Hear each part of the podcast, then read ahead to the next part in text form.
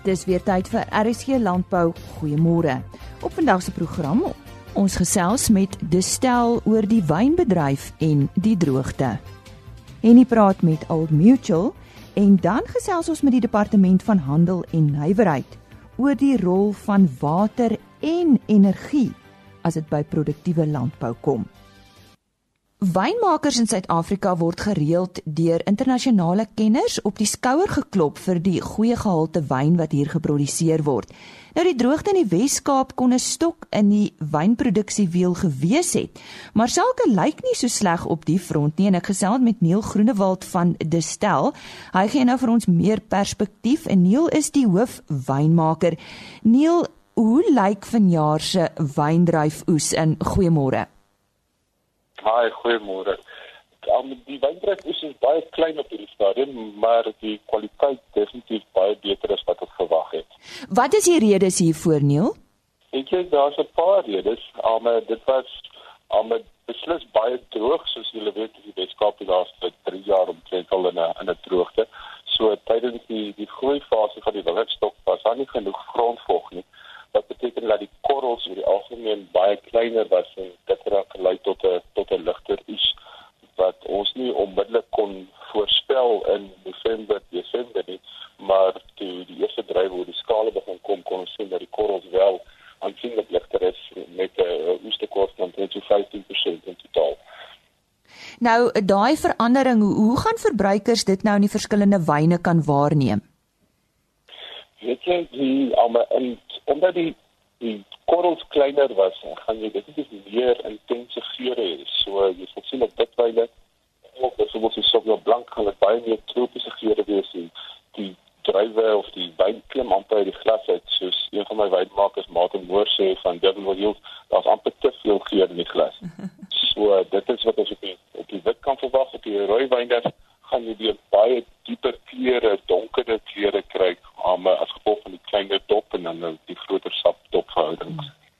Nou ek weet toe ons 'n rukkie gelede, tydjie gelede met Winpro gesels het, het ons gehoor dat wynpryse nou maar aansienlik gaan moet styg. Watter effek gaan gaan hierdie waarvan jy nou gepraat het op wynpryse hê?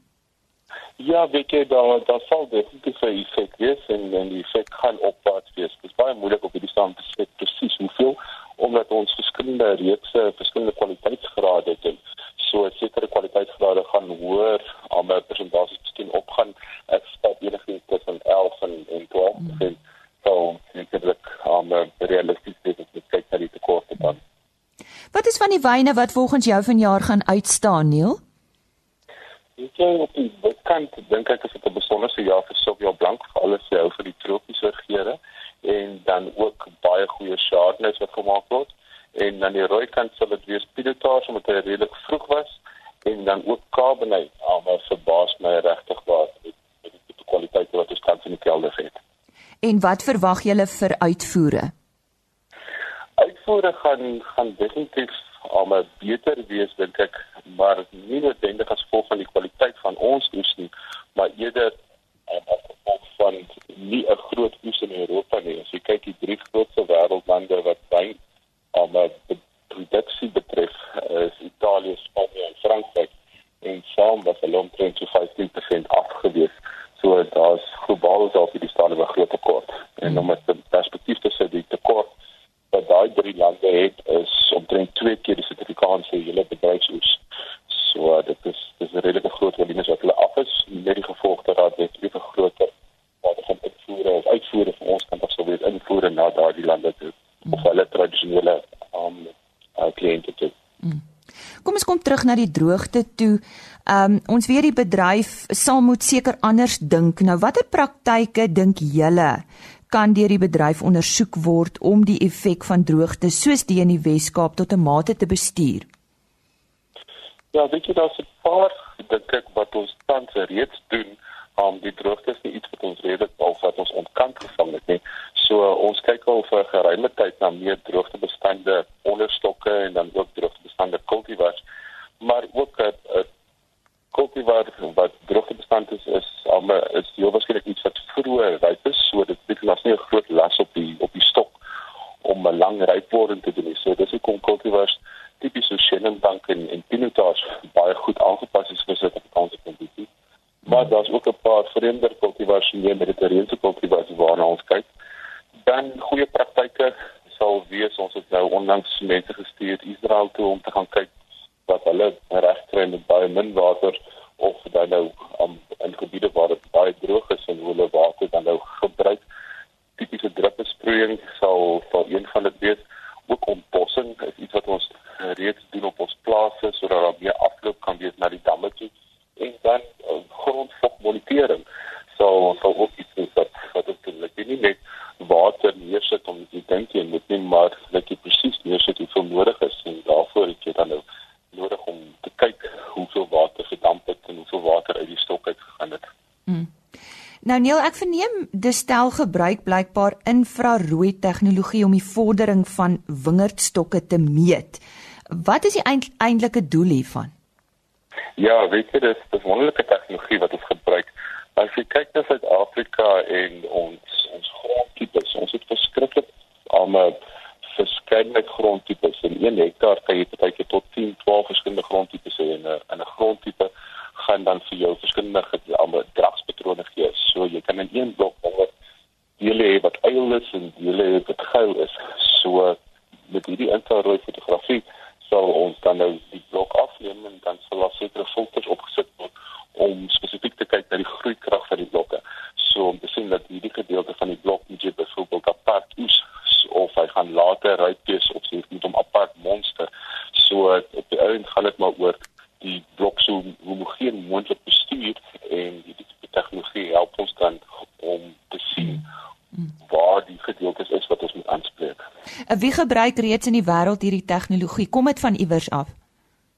Dit is oorspronklik dit 'n um, Amerikaanse tegnologie gewees, maar dit is ons so die laaste ek sou sê 10 jaar wat wat dit redelik algemeen begin gebruik word en die die tegnologie pas ook aan. So daar's tans ek het so 3 weke terug met iemand gesit wat navorsing doen in Amerika wat nou die virusstatus van blokke kan bepaal met hierdie tipe van tegnologie. Hmm. So ja, daar's heeltyd vordering wat gemaak word en gebou word op die bestaande tegnologie. Ons sê daarmee baie dankie aan Neil Groenewald, hy's hoof wynmaker by Destel en hy het so 'n bietjie met ons oor die vooruitsigte vir hierdie bedryf gesels en ek is verseker gaan ons weer met hom praat. Neil, baie dankie. Baie dankie julle. En nou gesels Henny Maas met Old Mutual.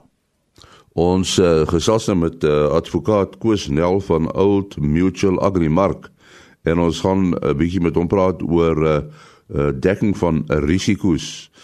Koos, wat is die rol van risikodekking en en waarom is dit so belangrik? Nee, ek dink die die die belangrikheid van risikodekking is daar om om sekerheid te skep. Praat van versekerings so om sekerheid te skep by die uh waar sekere gevalle voorkom of 'n dood ongeskiktheid gevreesde siek uh, gevreesde siektes is om 'n kapitaalbedrag beskikbaar te stel wat om om die versekerde in dieselfde posisie te plaas. Ek dink dis belangrik in dieselfde posisie te plaas is nie verryking nie, maar om finansiëel of leefstyl te te, te onderhou uh, en en iemand in dieselfde situasie te plaas. Dit is dink ek die eerste belangrike ding. Die as 'n mens dink rondom produsente, uh die grootste bate wat 'n mens het is eintlik jou verdien vermoë, jou vermoë om in 'n besigheid te werk, inkomste te genereer, kapitaal en bates op te bou. En as jy dit nie meer kan doen nie, het sy as gevolg van afsterwe of ongeskiktheid of 'n uh, siekte wat opgedoen word, dan val daai vermoë weg. En dis waar versekerings inkom as jy om te gaan sê maar ek verseker my teen daardie gebeurlikhede en 'n kapitaalbedrag gaan beskikbaar gestel word of inkomste uh wat dit vervang en dit stel jou in staat dan net om daai kapitaalbedrag te belê of jou leefstyl aan te pas om voort te gaan om eintlik die jou leefstyl te kan onderhou die familie en afhanklikes en so meer om dit nog steeds in dieselfde situasie te plaas.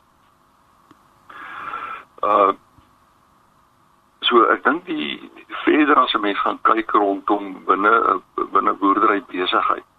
Is dit belangrik om te kyk as ek praat nou rondom die persoonlike deel en dis waar dit inkom,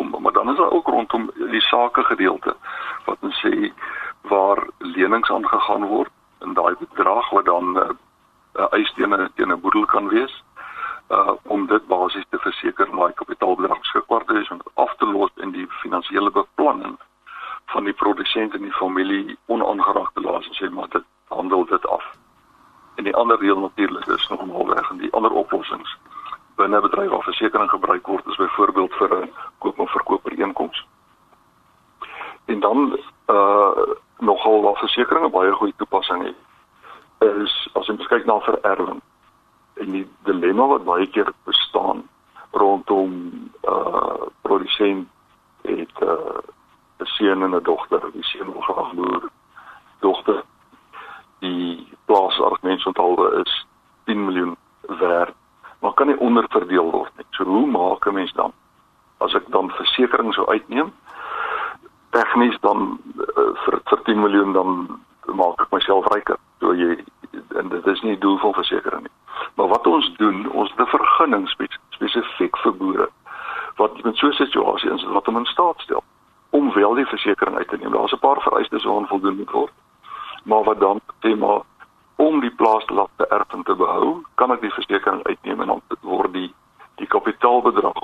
helfte van daai polis dan aan die begunstigde betaal wat kom ons sê dan die, die dogter is en so kry jy mense 'n regverdige verdeling uh, van die boedel. En en en wat is die status van individuele versekerings in Suid-Afrika?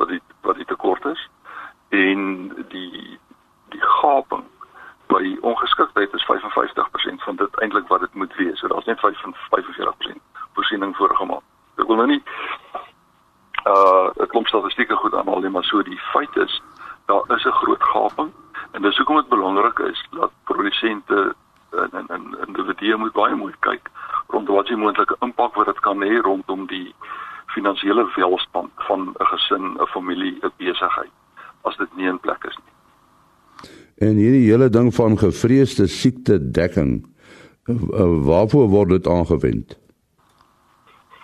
En die gevreesde eh, siekte dekking en en dit is uh 81% van al ons eise en goed wat ons kry lê rondom uh kanker in gewasse, uh, hartaanvalle, kardiovaskulêre goed in in in, in senuwee uh,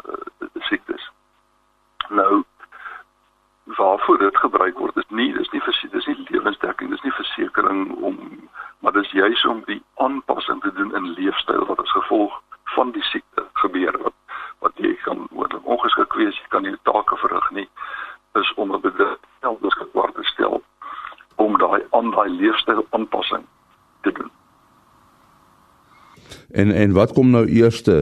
Is dit gevreesde siekte of inkomste beskerming? En ek dink daar's 'n daar's 'n regte of 'n verkeerde antwoord nie, want dit gaan afhang van individuele situasie en dit is wat ons sê. Dis belangrik dat 'n behoorlike finansiële ontleding gedoen moet word dat dat adviseer betrokke om te gaan sê maar want dis verskillende goed wat aangespreek moet word en sê maar wat is die behoefte? en waar uh, waar moet die klem lê in die spesifieke omstandighede en daar's oplossings vir elkeen van daardie behoeftes. As jy mens uh, nou kyk na uh, dekking eh, in in landbou en produsente, uh, moet boere anders te werk gaan met dekking as sê die gewone man op straat. En ek dink nie dit moet anders anders gebeur nie behalwe dat omstandighede is anderster. Uh en daar's gebeurlikhede wat voorsiening gemaak moet word. Dit verskil maar ek dink as 'n mens praat van 'n uh, besigheidseienaar en 'n boer, is dit baie dieselfde tipe van beginsels maar wat van van toepassing is. Uh want dis entrepreneurs die beskerming van die verdienvermoë, jou kapasiteit om in 'n besigheid te werk is is baie belangrik. Dit is mense wat hulle eie planne moet maak. Dit werk nie vir 'n korporatiewe instelling waar daar groeps- en lewensdekking en opgeskryf is nie. So daai goed moet self in plek gestel word wat die belangrikheid daarvan net soveel groter maak. Ja. Die die die die die, hele versekering en dekking uh beginsel is is eintlik presies ontwikkel om 'n bedrag beskikbaar te stel wanneer dit nodig is vir hoeveel jy dekking uitgeneem het. Uh en en dit is belangrik want dit maak dit net soveel makliker. Kom ons sê argumente onthou dat daar is nie genoeg dekking in in in in in kom ons noem dit nou 'n boedel. Wat gebeur dan? 'n Eksekuteur gaan basies na die begunstigdes toe gaan afhangende van hoe dit gestruktureer is gesê maar is dit 'n tekort in die boedel so is daar kapitaal om dit te betaal of moet ek bates begin verkoop? Wat dan die erfgename moontlik of uh, seun wat die plaas oorneem en 'n baie ongemaklike situasie sê maar nou moet ek weer nog 'n verband gaan uitneem om daai kapitaal te kry. Wat jy dadelik op die agtervoet sit. So dit is om daai goed in plek te sit om amper 'n soemlose oorgang te bewerkstellig. En uh, as mense onseker is oor waar om te begin, uh hoe, hoe kan 'n mens hulp kry? Uh, is dit maar 'n uh, konsultant? Ja, en nie dit is uh, ou gaan vra, dit is nie dis nie 'n uh, oplossing of raad wat ou dink ek om 'n braaivleisvuur kry nie. Iemand moet gaan sit en 'n finansiële adviseur wat geakkrediteer is wat kan doen ervaring het en waarna mens vertroue het. Toe gaan sê maar kom ons ontleed die situasie kyk wat dit is, waar's gapings, hoe kan ek dit vul dat 'n mens weet en die produsent weet maar dit is waar dit is? En daar's aanbevelings en dan is dit besluit of ek dit wil implementeer of nie maar as 'n mens dit nie laat doen nie dan weet jy nie. En jy dit is net onsekerheid en ongemak binne in 'n in 'n in 'n familiebesigheid wat by voortbestaan so dit is belangrik om aan te kyk daar is mense wat kan help. Uh en en dis dink is daai stap wat wat, wat geneem moet word Ja, sê baie dankie aan uh, advokaat Koos Nel van uh, Old Mutual Agrimark wat gesels het oor dekking, risiko's ensovoorts. Ontwikkeling op tegnologiese omgewings en sosio-ekonomiese vlak het dit al hoe duideliker gemaak dat uh, tradisionele benaderings tot probleemoplossings nie meer werk nie. Nou kenners meen dit is nie moontlik om wateraspekte aan te spreek sonder dat energie 'n rol speel nie. Dieselfde kan gesê word van energie. Beide water en energie is natuurlik krities vir produktiewe landbou. Nou gesels ver oggend met Bernd Oelerman. Hy is direkteur uh, streeks industriële ontwikkeling by die departement van handel en nywerheid. Nou Bernd, as wat staan hierdie wisselwerking tussen water, energie en landbou bekend en sommer goeiemôre. Goeiemôre. Um weet jy ons praat van die water-energie landbou nexus In Engels noem hulle dit partykeer ook die water energy food nexus. Nou hoekom is die nexus relevant? Weet jy, ehm um, jy het dit reeds gesê, uh, die kompleksiteit van die probleme wat wat ons mee te doen het deesdae, uh vereis dat ons op 'n uh, komplekse benadering moet staat maak om hierdie probleme aan te spreek. Die nexus stel ons in staat om mense te betrek wat dalk nie sien maar belangstelling in water maar is dalk goed in energie of iemand wat 'n rolspeler is in landbou um, is dalk nie so ou fyn met water en energie nie. Maar die nexus laat ons toe om hierdie mense almal om 'n tafel te bring en dan gewoonlik kom elkeen dan agter maar luister ons kan bydra tot hierdie oplossings van ons probleme. So ja nee die nexus is krities omdat ons 'n komplekse ons het 'n sistemiese benadering nodig tot die manier hoe ons probleme tans aanspreek. Nou jy praat van mense om 'n tafel, so wie is die Nexus en wat behels dit? Weet jy die Nexus bestaan effektiewelik uit enige iemand wat eintlik 'n belang het. Uh by landbou, water of energie. So jy kan byvoorbeeld 'n tegnologie verskaffer wees. Jy kan dalk iemand wees wat 'n konsultant is. Jy kan dalk uh iemand wees wat in 'n koöperasie sit. Uh jy mag dalk 'n boer wees wat belangstel. Uh jy kan dalk 'n landbouunie wees. Jy kan uh 'n finansier te wees. So dit kan enige iemand wees wat 'n belang het daarbey. So dis nie 'n eksklusiewe groep nie. Dis nie bedoel om uh jy weet 'n uh, onafhanklike groep te wees wat net druk uitoefen op die regering byvoorbeeld om sekere goed te doen. Dit sluit enige rolspeler in in hierdie in in in die area van water, energie en landbou. So wat is julle die departement van handel en nywerheid se rol? Uh die DTI se rol in Suid-Afrika is natuurlik om industrialisasie te ondersteun. Um ons is hier om industrie, nywerheid en besigheid te ondersteun so goed ons kan. Ek weet dit werk nie altyd so lekker nie en daar's baie kritiek. Uh maar ten spyte daarvan, weet jy, wanneer mense praat, praat van water en energie, dis seker een van die groot twee grootste vraagstukke in Suid-Afrika en almal weet dit. Uh en ons sal nie ons kan bring as ons nie werklik probeer uh om die industrie te ondersteun en die groei van die industrie in die hand te werk in die proses nie. So dis die DTI se rol. Ons probeer vennootskappe op die been te bring. Ons probeer uh areas te identifiseer waar Suid-Afrika wesentlike rol kan speel in energie of water of dan natuurlik ook as ons kyk na landbou, uh dit is nou wel die area van die departement van landbou, uh departement van water byvoorbeeld ook. Maar die DTI se rol in daai aspek kyk spesifiek na So as ons kyk na die waardeketings rondom landbou, waar kan ons die industrie ondersteun en wat is daai tipe rol wat ons kan speel om mense te help om, jy weet, hulle maatskappy te groei, 'n nuwe produk op die mark te sit, 'n nuwe innovasie in plek te sit ensovoorts. So dis dis die DTI se rol. Ons probeer die amper die gom te wees in die proses as ek dit kan sê, tussen al die verskillende rolspelers. So wat is die praktiese implikasies van die Nexus? Die praktiese implikasie is dat uh mense wat in landbou betrokke is, sê maar spesifiek um, 'n um, boer byvoorbeeld. En die interessante ding is Agrilek wat voorbeeld van jare terug het reeds soortgelyke tipe funksies verrig. Um maar die die implikasie is dat 'n boer byvoorbeeld kostebesparings in hand kan werk op water en energie wat 'n redelike insetkoste kan behels as ons kyk na landbouaktiwiteite. Maar dis nie net van toepassing op die boer nie. So jy kan byvoorbeeld nou ewe skielik uh, as jy kyk na die waardeketting kan jy kostebesparings in plek, in plek sit wat nie voorheen daar was nie. Wat kan veroorsaak dat ons baie meer kompeterend kan wees as 'n land, as 'n industrie en as 'n spesifieke instansie of entiteit in die proses. So dis die dis die lang en die kort daarvan. Ek meen daar's daar's verskillende aspekte. Jy kan kyk na uh, ons pad van digitalisering byvoorbeeld. Uh wat beteken dat jy sensors in plek sit in die landbou aktiwiteit wat dit ook al mag wees en baie boere doen dit reeds.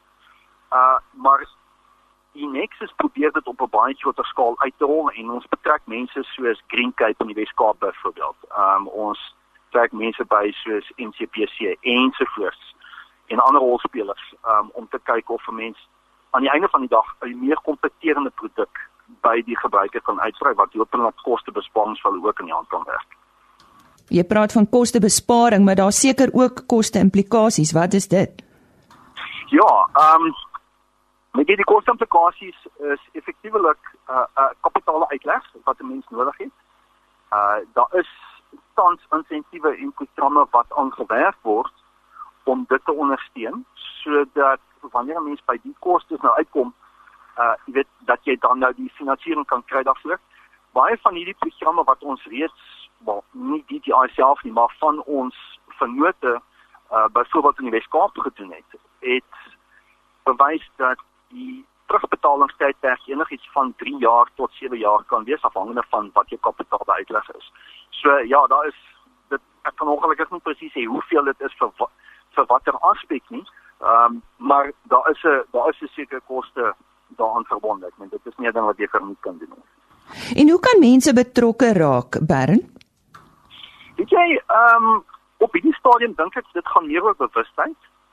Ehm um, Suid-Afrika natuurlik staan nie van net bekend as jy weet die nasie waar elke boer maak 'n plan nie, jy weet. Ehm um, en so ek dink ons sit met baie mense wat idees het wat dalk getoets moet word, wat dalk 'n uh, uh, afset nodig het, wat dalk nodig het om met ander mense te gesels rondom hulle idees, spesifiek rondom die nexus van waar jy water of energiebesparing kan hê in 'n landbouomgewing. En ek praat nou van die hele waardeketting, so van landbouproduksie af tot verpakking tot prosesering, regdeur tot tot by die eindverbruiker. Um so mense mense kan betrokke raak as hulle idees het.